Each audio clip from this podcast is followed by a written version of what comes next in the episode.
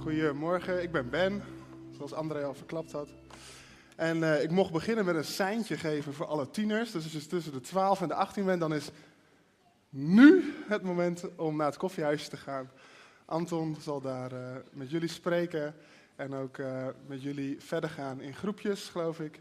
Dat wordt vast heel mooi. De rest, ja, jullie moeten het met mij doen vandaag, maar dat gaat helemaal goed komen volgens mij. Eh, voor degenen die mij niet kennen, zal ik me eerst even voorstellen. Ik ben dus Ben, ben en eh, ik ben getrouwd met Linda, die zit hier vooraan. En ik ben vader van Nora, die is nu bij het kinderwerk niet aan het slapen. Dus dat eh, wordt heel gezellig vanmiddag. Wij komen nu zo'n vijf jaar in de Stadskerk.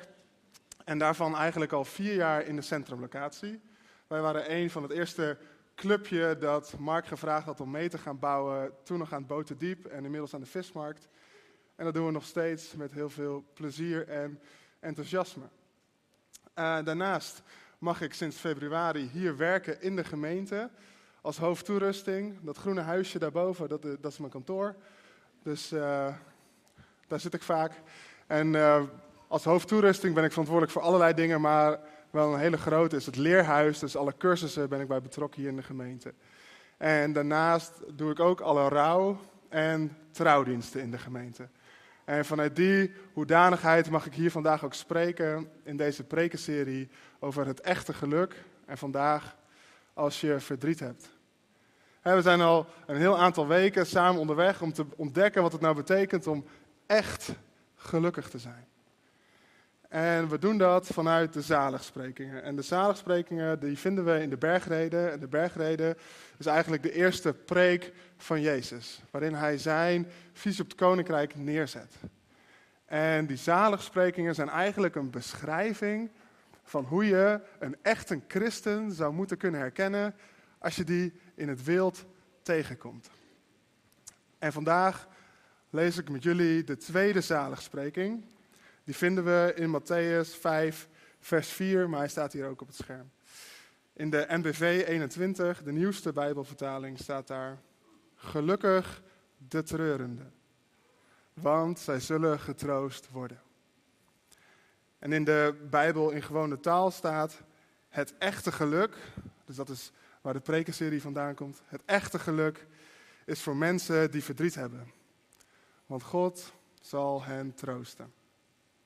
Nou, in deze tekst die kunnen we eigenlijk op twee verschillende manieren uitleggen. En de eerste uitleg is meer op een soort geestelijk niveau. En uh, die heeft Arjan vorige week ook al benoemd. En dan lezen we de tweede zaligspreking als een logisch gevolg van de eerste zaligspreking.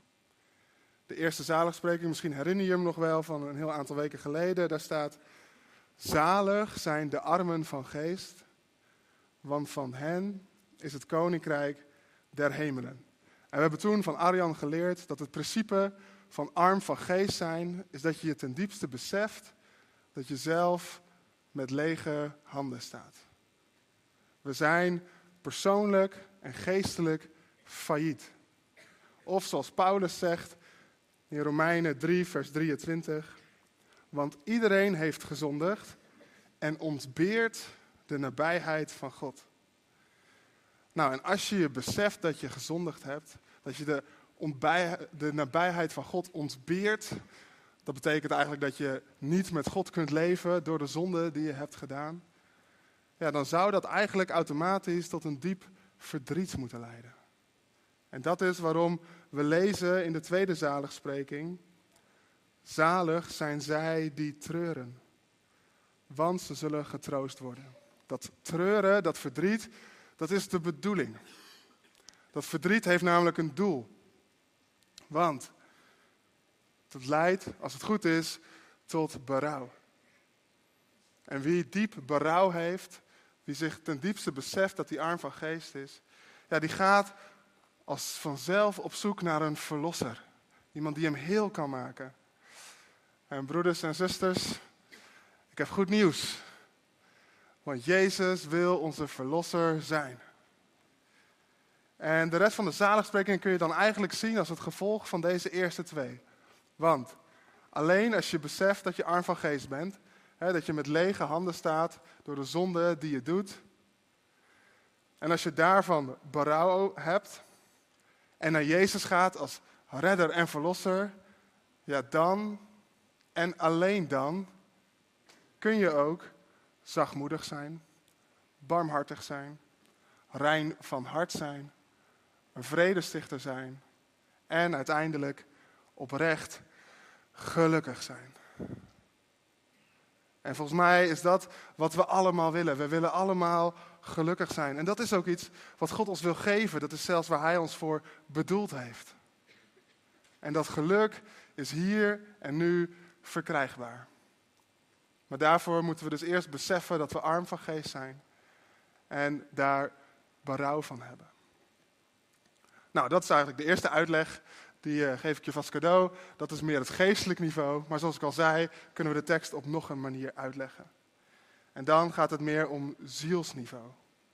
als we aan onszelf denken als geest, ziel en lichaam, dan is ons lichaam nou, datgene wat jullie hier zien staan en wat ik hier uh, zie zitten.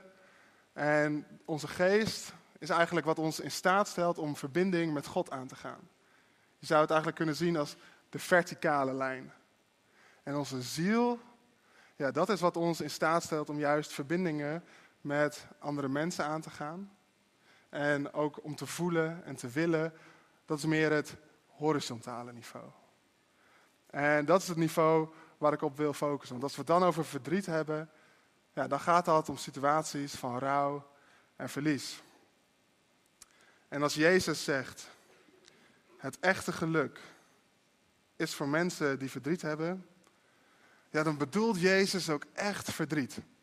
Er worden in de Bijbel negen verschillende woorden gebruikt voor verdriet. En het woord dat Jezus hier kiest, is daar de allerergste vorm van. Hetzelfde woord wordt gebruikt als Jacob de bebloede mantel van zijn zoon Jozef in handen krijgt en weet, hij is verscheurd door een wild beest. De rouw die hij op dat moment ervaart, dat is datzelfde woord. Of hetzelfde woord wordt ook gebruikt om de rouw van de discipelen te omschrijven als zij bij het graf van Jezus staan. stel je dat moment eens voor, je, je Messias, je rabbi, degene van wie je alles achtergelaten hebt om hem te volgen, is vermoord. Nou, de diepe verdriet, de diepe rouw die zij op dat moment ervaren, dat is wat Jezus hier bedoelt als hij het heeft over verdriet. Het gaat om een diepe vorm van rouw die echt voelbaar is in je lijf, die je hele hebben en houden over kan nemen en die je ook eigenlijk onmogelijk kunt verbergen. En daarbij hoef je niet te huilen, maar gewoon, het is zichtbaar aan je. En dat kan dus vanwege zonde zijn, maar ook vanwege situaties van rouw en verlies. En dat is waarschijnlijk ook waar we het als eerst aan denken. Hè? Als we die tekst lezen, gelukkig de treurende, dan denken we waarschijnlijk ook het eerst aan rouw en verlies. Bijvoorbeeld het overlijden van een dierbare. Maar, nu moeten wij even eerlijk zijn met elkaar. Want eigenlijk zijn we als Nederlanders ja, gewoon niet zo goed in het omgaan met rouw en verlies. Onze rouwcultuur is nogal, ja, is nogal magertjes, zou ik maar zeggen. En dat is niet mijn mening, nee, dat blijkt ook uit onderzoek. En om dat aan te tonen wil ik even een paar statistieken met jullie delen die voortgekomen zijn uit onderzoek van Sieren. Misschien heb je hun campagnes wel gezien op de televisie of op de radio of online de laatste tijd. En wat blijkt uit onderzoek is ten eerste dat in Nederland 465 mensen per dag sterven. Dat is gewoon een feit. Maar nu blijkt dat een kwart, bijna een kwart, 23 procent van hen onverwachts vroeg overlijden. In andere woorden, we krijgen er allemaal mee te maken. En misschien wel eerder dan we hopen. Maar toch, en dan wordt het onderzoek interessant, praat ruim 1 op de 3 mensen in Nederland nooit over de dood. Dat is niet gezellig. Beetje lastig onderwerp op de koffie.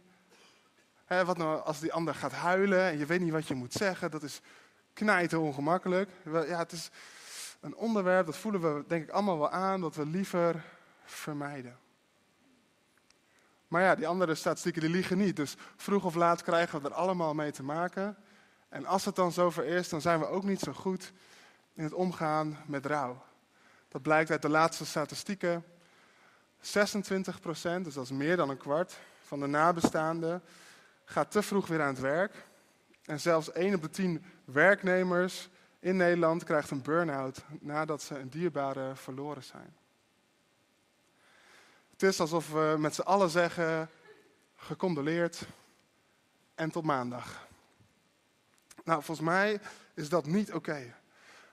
We moeten met elkaar beter leren omgaan met rouw en verlies. En ook in de kerk hebben we daarin stappen te zetten. Want in de kerk kan het zomaar zo zijn dat als jij naar voren komt met je verdriet, nou, dat je dan te horen krijgt, oh, had zo moeten zijn. Ik geloof echt dat God dit ten goede gaat keren. Hij heeft een plan met dit verdriet. Halleluja, amen. Of misschien dat je de stap zet en je gaat met een broeder of zuster delen wat jouw verdriet heeft gedaan, wat je verloren bent. En die ander zegt, oh, ik heb precies hetzelfde meegemaakt. Als je gewoon dit, dit en dit doet, dan ben je zo weer de oude. Of misschien zet je de stap en ga je naar het ministry team en je deelt waar je verdriet over hebt. En ze zeggen, verdriet, ga weg in Jezus' naam. Nou, het geloof erachter is ook wel mooi en het is ook wel allemaal met de beste bedoelingen dat dit gezegd wordt. Maar volgens mij is het niet waarvoor we geroepen zijn. Nee, volgens mij is het eerder het tegenovergestelde van waar we voor geroepen zijn. Want Jezus zegt, het echte geluk is voor mensen die verdriet hebben. Want ze zullen getroost worden. Hij roept ons dus op om ten eerste ons verdriet maar eens te erkennen. Het onder ogen te komen. Het niet weg te stoppen, het niet te verdringen, maar het recht in de ogen aan te kijken en terug te gaan naar dat moment van verlies. Zoals hij zelf trouwens ook deed. Hè? We lezen in Johannes 11 dat Jezus diep bedroefd was bij het graf van Lazarus. Er staat dat bekende vers, hij huilde. Of we lezen in Lucas 19 dat Jezus huilde toen hij dicht bij Jeruzalem kwam. toen hij de intocht naar Jeruzalem ging doen en hij zag de stad van een afstandje liggen en hij raakte diep bedroefd. Omdat hij wist, zij gaan mij afwijzen. Zij gaan niet mijn vrede en genade aanvaarden. En ten tweede zijn we volgens mij geroepen hier als gemeente om ons verdriet met elkaar te delen. Zoals Galaten 6 vers 2 ook zegt, elkanders lasten dragen wij. En daarvoor is het allerbelangrijkste om erover te praten. En daar hebben we misschien nog wel wat stappen te zetten. En als je dat nou lastig vindt, dan kun je de ander altijd vragen, die geef ik je gewoon even mee als tip. hey, hoe gaat het vandaag? Verdriet kan er elke dag anders uitzien. En als je vraagt hoe gaat het vandaag met je, dan hou je het behapbaar voor die ander. Of als je niet weet wat je moet vragen, kun je dat ten eerste zeggen, hey, ik weet niet wat ik moet zeggen. Uh, en ten tweede kun je dan ook zeggen, hey, wat heb je nodig? Dan kan die ander aangeven wat jij voor hem of haar kunt betekenen. En als je dat allemaal niet ziet zitten, hey, eigenlijk is het allermooiste, het allerbelangrijkste wat wij kunnen doen als broers en zussen, is gewoon naast elkaar gaan zitten. Dan hoef je helemaal niks te zeggen. Het gaat erom dat we voor elkaar kunnen zijn. Maar mocht je wel beter willen worden in die gesprekken voeren, kom dan naar de cursus geloofsgesprekken. Die geven we hier in de gemeente en die hebben we speciaal ontwikkeld om hier beter in te worden. Want we verlangen erna om een kerk te zijn waar we goed zijn in elkaar ontmoeten. Waarin we elkaar echt kunnen spreken en waarin we ook God recht kunnen doen in onze ontmoetingen. We hebben net onze eerste cursusronde gehad en het was echt fantastisch. Het is zo bijzonder wat er, te zien wat er gebeurt als we elkaar echt ontmoeten. Zijn de cursisten in de zaal? Kijk, mooi. Enthousiasme. En uh, de volgende ronde start in februari. Van harte welkom. Er zijn nog een paar plekken. En uh, mochten er heel veel mensen komen, dan gooien we er gewoon nog een cursus bij open. Want het is zo waardevol om te leren in gesprek te gaan. Want als we dat eenmaal gedaan hebben, als we ons verdriet onder ogen zijn gekomen, als we het met elkaar gedeeld hebben, ja, dan worden we geroepen om het samen bij Jezus te brengen. Want Hij wil onze trooster zijn. En dan heb ik het nu alleen nog maar gehad over de dood. Maar rouw en verlies is natuurlijk veel breder dan de dood. Voor jou is het misschien wel iets heel anders. Misschien is het wel een onvervulde kinderwens. Of misschien ben je wel het contact met een van je kinderen verloren. Of misschien ben je juist contact met je ouders of een van hen verloren. Of misschien heb je wel ouders die jou ernstig tekort hebben gedaan. Die jou hebben afgewezen. Die jou hebben mishandeld, verwaarloosd, misbruikt. Of misschien ben je wel je baan verloren. Of moest je je huis uit vanwege aardbevingen. Of misschien kijk je op zondagochtend om je heen in de gemeente en denk je: hé, hey, ik ben broeders en zusters verloren die niet meer komen. Of misschien zit je wel in een huwelijk dat maar niet wil slagen. Of misschien ben je je huwelijk verloren.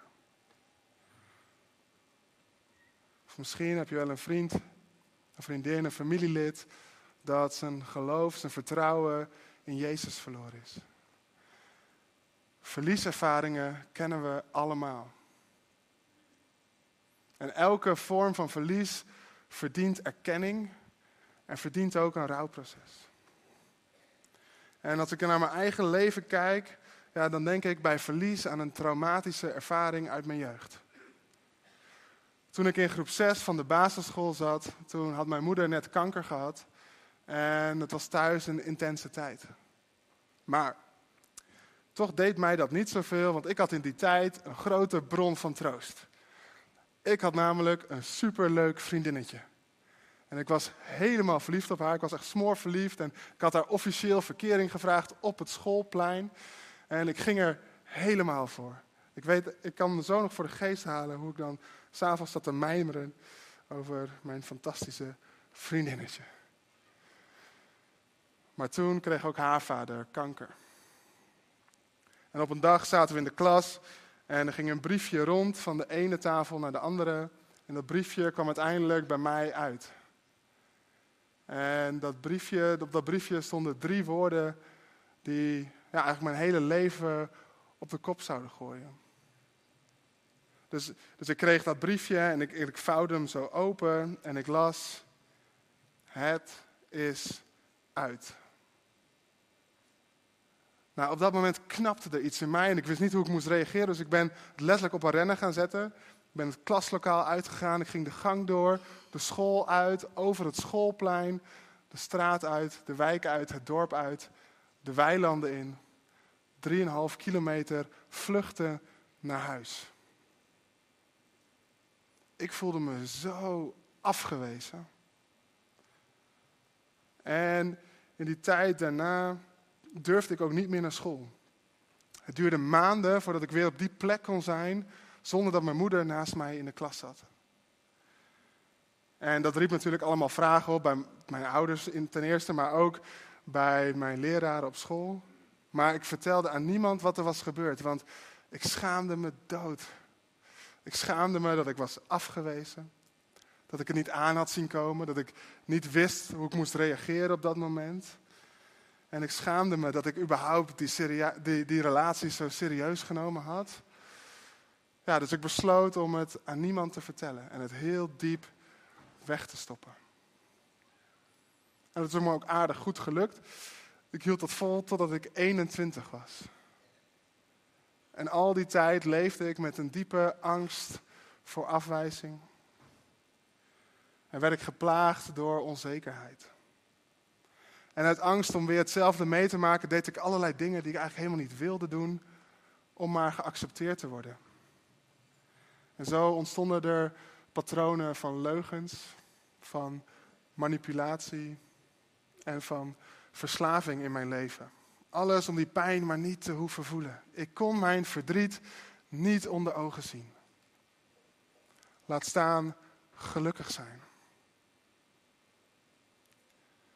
Maar dan zegt Jezus, gelukkig de treurende, want ze zullen getroost worden. Nou, wat moet je daar dan mee op zo'n moment van intense pijn en verdriet die je niet eens onder ogen wil komen? Nou, voor mij en ik hoop ook voor jou is het een uitnodiging en een aansporing. Kom je verdriet onder ogen, zegt Jezus. Hij benoemt het gewoon. Stop het niet weg. Verdring het niet, hoeveel pijn het ook doet. Want dat verdriet heeft een doel. Want wie intens verdrietig is, dat gewoon aandurft te gaan, ja, die zal als vanzelf op zoek gaan naar troost. En broeders en zusters, ik heb opnieuw goed nieuws. Want Jezus wil onze trooster zijn. En alleen als je je verdriet onder ogen komt, op zoek gaat naar troost en troost vindt bij Jezus, ja, dan en alleen dan kun je ook echt gelukkig zijn. En dan bedoel ik niet geluk in de wereldse zin, hè, huisje, boompje, beestje, carrière, mooie auto, gezondheid, wat, wat geluk voor jou misschien ook maar is, maar geluk in hemelse zin. Het geluk dat alleen God kan geven. Het geluk wat hij beschrijft in Jeremia 29, vers 11. Daar zegt hij, ik heb jullie geluk voor ogen, niet jullie ongeluk. Ik zal jullie een hoopvolle toekomst geven. Nou, ik denk dat, dat is denk ik een tekst die we bijna allemaal wel kennen. Dat is een heerlijke one-liner die je op ansichtkaarten ziet of op trouwkaarten. En daar is natuurlijk ook helemaal niks mis, niks mis mee, want het is een prachtige tekst. Maar het is wel een belofte die gedaan wordt in een situatie van rouw en verlies. Want God belooft hier geluk aan een groep mensen die uit hun eigen land zijn gedeporteerd en daar nog minimaal 70 jaar in gevangenschap zullen blijven.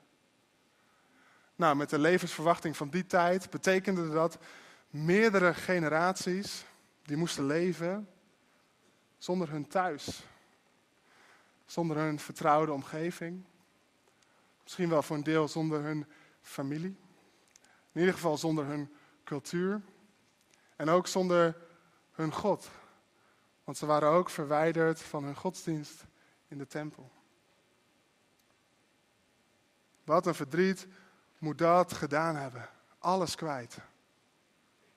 En dan zegt God, maar ik heb jullie geluk voor ogen. Nou, moeten die mensen en wij misschien net zo goed ons even afvragen, wat betekent het dan om gelukkig te zijn? Nou, het woord dat hier in de grondtekst gebruikt wordt voor geluk is het woord shalom. Vast bekend. Een woord dat veel dieper gaat, veel verder gaat dan onze hedendaagse opvatting van geluk. Want shalom betekent een diep gevoel van rust, van heelheid, van harmonie, van compleetheid. Het betekent dat je ongeacht de omstandigheden in je leven kunt zeggen: It is well with my soul. Voor degenen die dat verhaal kennen. Zo niet, ga thuis googlen, want het is prachtig. Dat is wat het betekent als Jezus zegt: het echte geluk is voor mensen die verdriet hebben. Dat je shalom kan ervaren, ook als het tegen zit. Ook als er niks is wat je anders gelukkig zou kunnen maken. Het echte geluk is een leven vanuit shalom. Maar daarvoor is het belangrijk om eerst je eigen verdriet, je pijn en verlies om de ogen te komen. Ik kon dat zelf pas toen ik 21 was. Ik kreeg toen een levende relatie met Jezus en ik leerde langzamerhand de kracht van kwetsbaarheid kennen. En ik ben toen ook voor het eerst gaan delen wat er in mijn jeugd gebeurd was. Eerst met Linda, want die vertrouwde ik na vijf jaar het meest. Toen pas met God. En vandaag met jullie.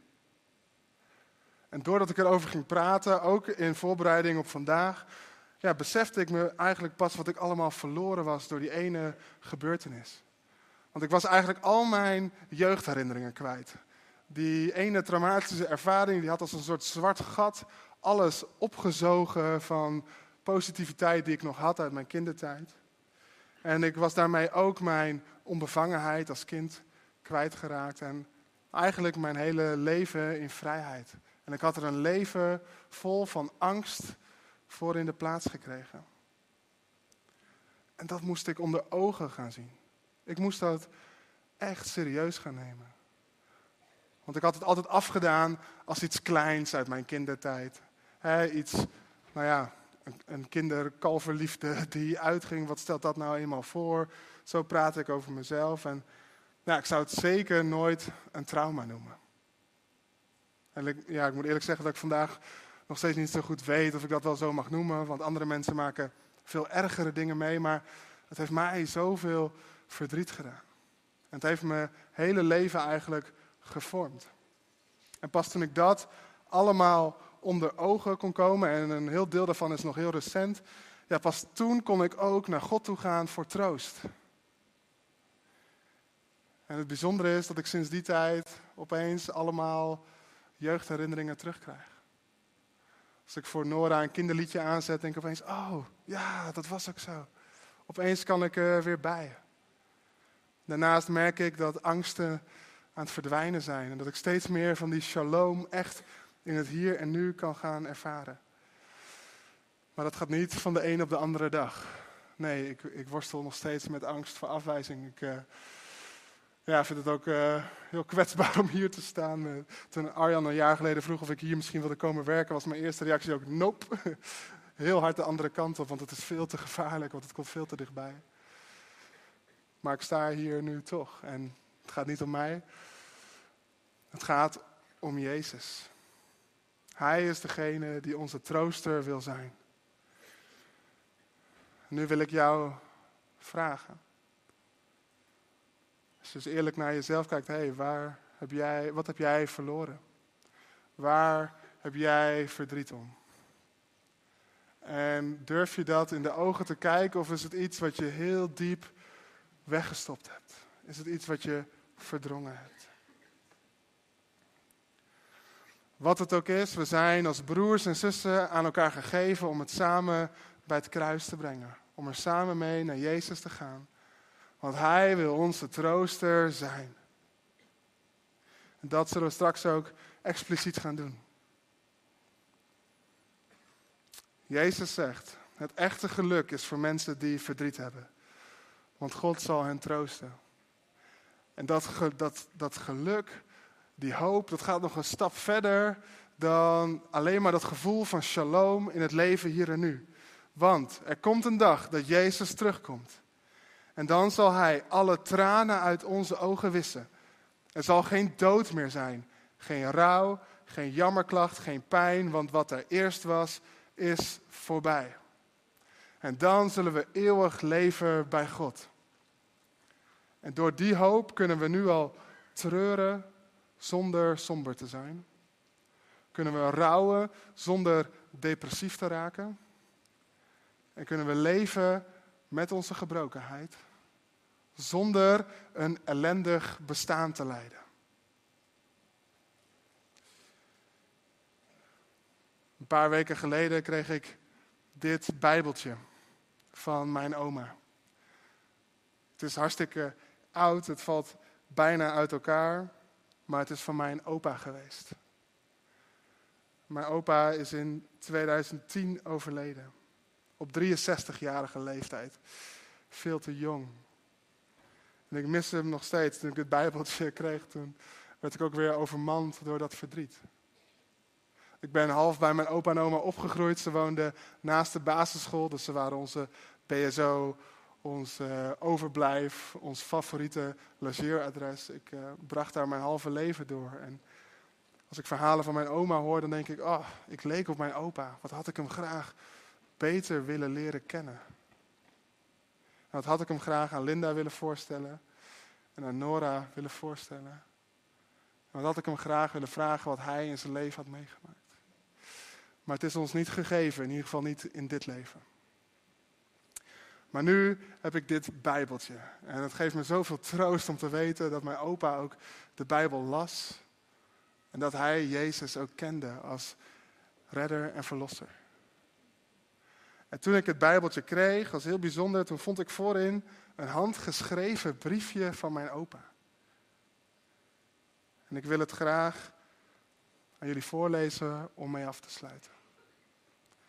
Mijn opa schreef daar, nu jaagt de dood geen angst meer aan, want alles, alles is voldaan. Die in het geloof op Jezus ziet, die vreest voor dood en hellen niet. We hoeven niet bang te zijn voor de dood, voor rouw, voor verlies, voor ons eigen verdriet. Want Jezus is overwinnaar en Hij wil onze trooster zijn. En mijn oma vertelde dat hij dit briefje had geschreven omdat hij bij de paasdienst graag mee wilde zingen, maar de tekst niet uit zijn hoofd kende. Maar het lied gaat nog een couplet verder en dat heeft hij niet opgeschreven, dus dat kende hij wel uit zijn hoofd. En dat laatste couplet dat luidt, want nu de Heer is opgestaan, nu vangt het nieuwe leven aan. Een leven door zijn dood bereid, een leven in zijn heerlijkheid. Amen. Ik wil met jullie bidden. Ik wil vragen of jullie daarbij willen gaan staan.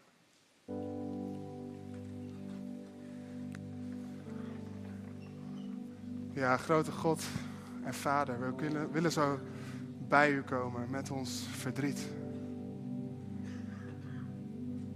Heer, we willen u uitnodigen in onze eigen situaties van rouw en verlies. Heer, want u wilt onze schuilplaats zijn. U nodigt ons uit om verdriet onder ogen te komen, want u belooft het echte geluk is voor mensen die verdriet hebben. En Heer, ik bid dat u op dit moment komt met uw troost. Dat u de harten aanraakt van de mensen die hier zijn. En hen ook laat zien welk verdriet misschien er nog wel verborgen zit. Misschien zit het voor jou wel aan de oppervlakte. Misschien zit het voor jou wel heel diep weg. Maar ik wil je eigenlijk vragen of je op dit moment gewoon zelf tegen God wil zeggen: Heer, wilt u mijn trooster zijn?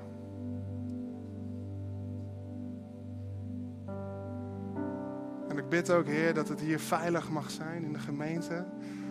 Dat we ook als broers en zussen mogen ervaren wat het betekent om uw kerk te zijn, om één lichaam te zijn en elkaars lasten te dragen.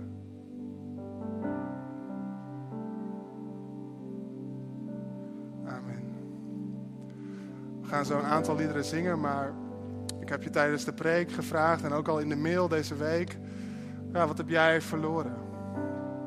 Welk verdriet heb jij in de ogen te kijken? En ik noemde net ook al dat er expliciet ruimte zou zijn om dat bij het kruis te brengen. En we gaan zo een aantal nummers zingen en je mag tijdens de aanbidding naar voren komen.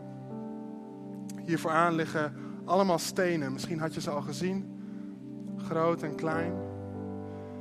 En ik wil je eigenlijk vragen om met die situatie van rouw of verlies, om met dat eigen verdriet van jou naar voren te komen, een steen te pakken als symbool daarvoor en het bij Jezus te brengen. Niet om er vanaf te zijn, maar om Jezus erin uit te nodigen als jouw trooster. En laten we dit als gemeente ook vooral samen doen, want we zijn aan elkaar gegeven. Dus als je dat graag wil, maar het lukt je niet, ja, pak dan een buurman of buurvrouw bij de arm en ga samen. En als je daar ook gebed voor wil, of je wilt delen wat je verdriet is, wat je verloren bent, dan zullen er ook bidders voor je staan bij het kruis om met jou in gesprek te gaan en voor jou ook te bidden. Om daar ook expliciet Jezus als trooster uit te nodigen. Dus laten we gaan aanbidden en laten we samen naar Jezus gaan.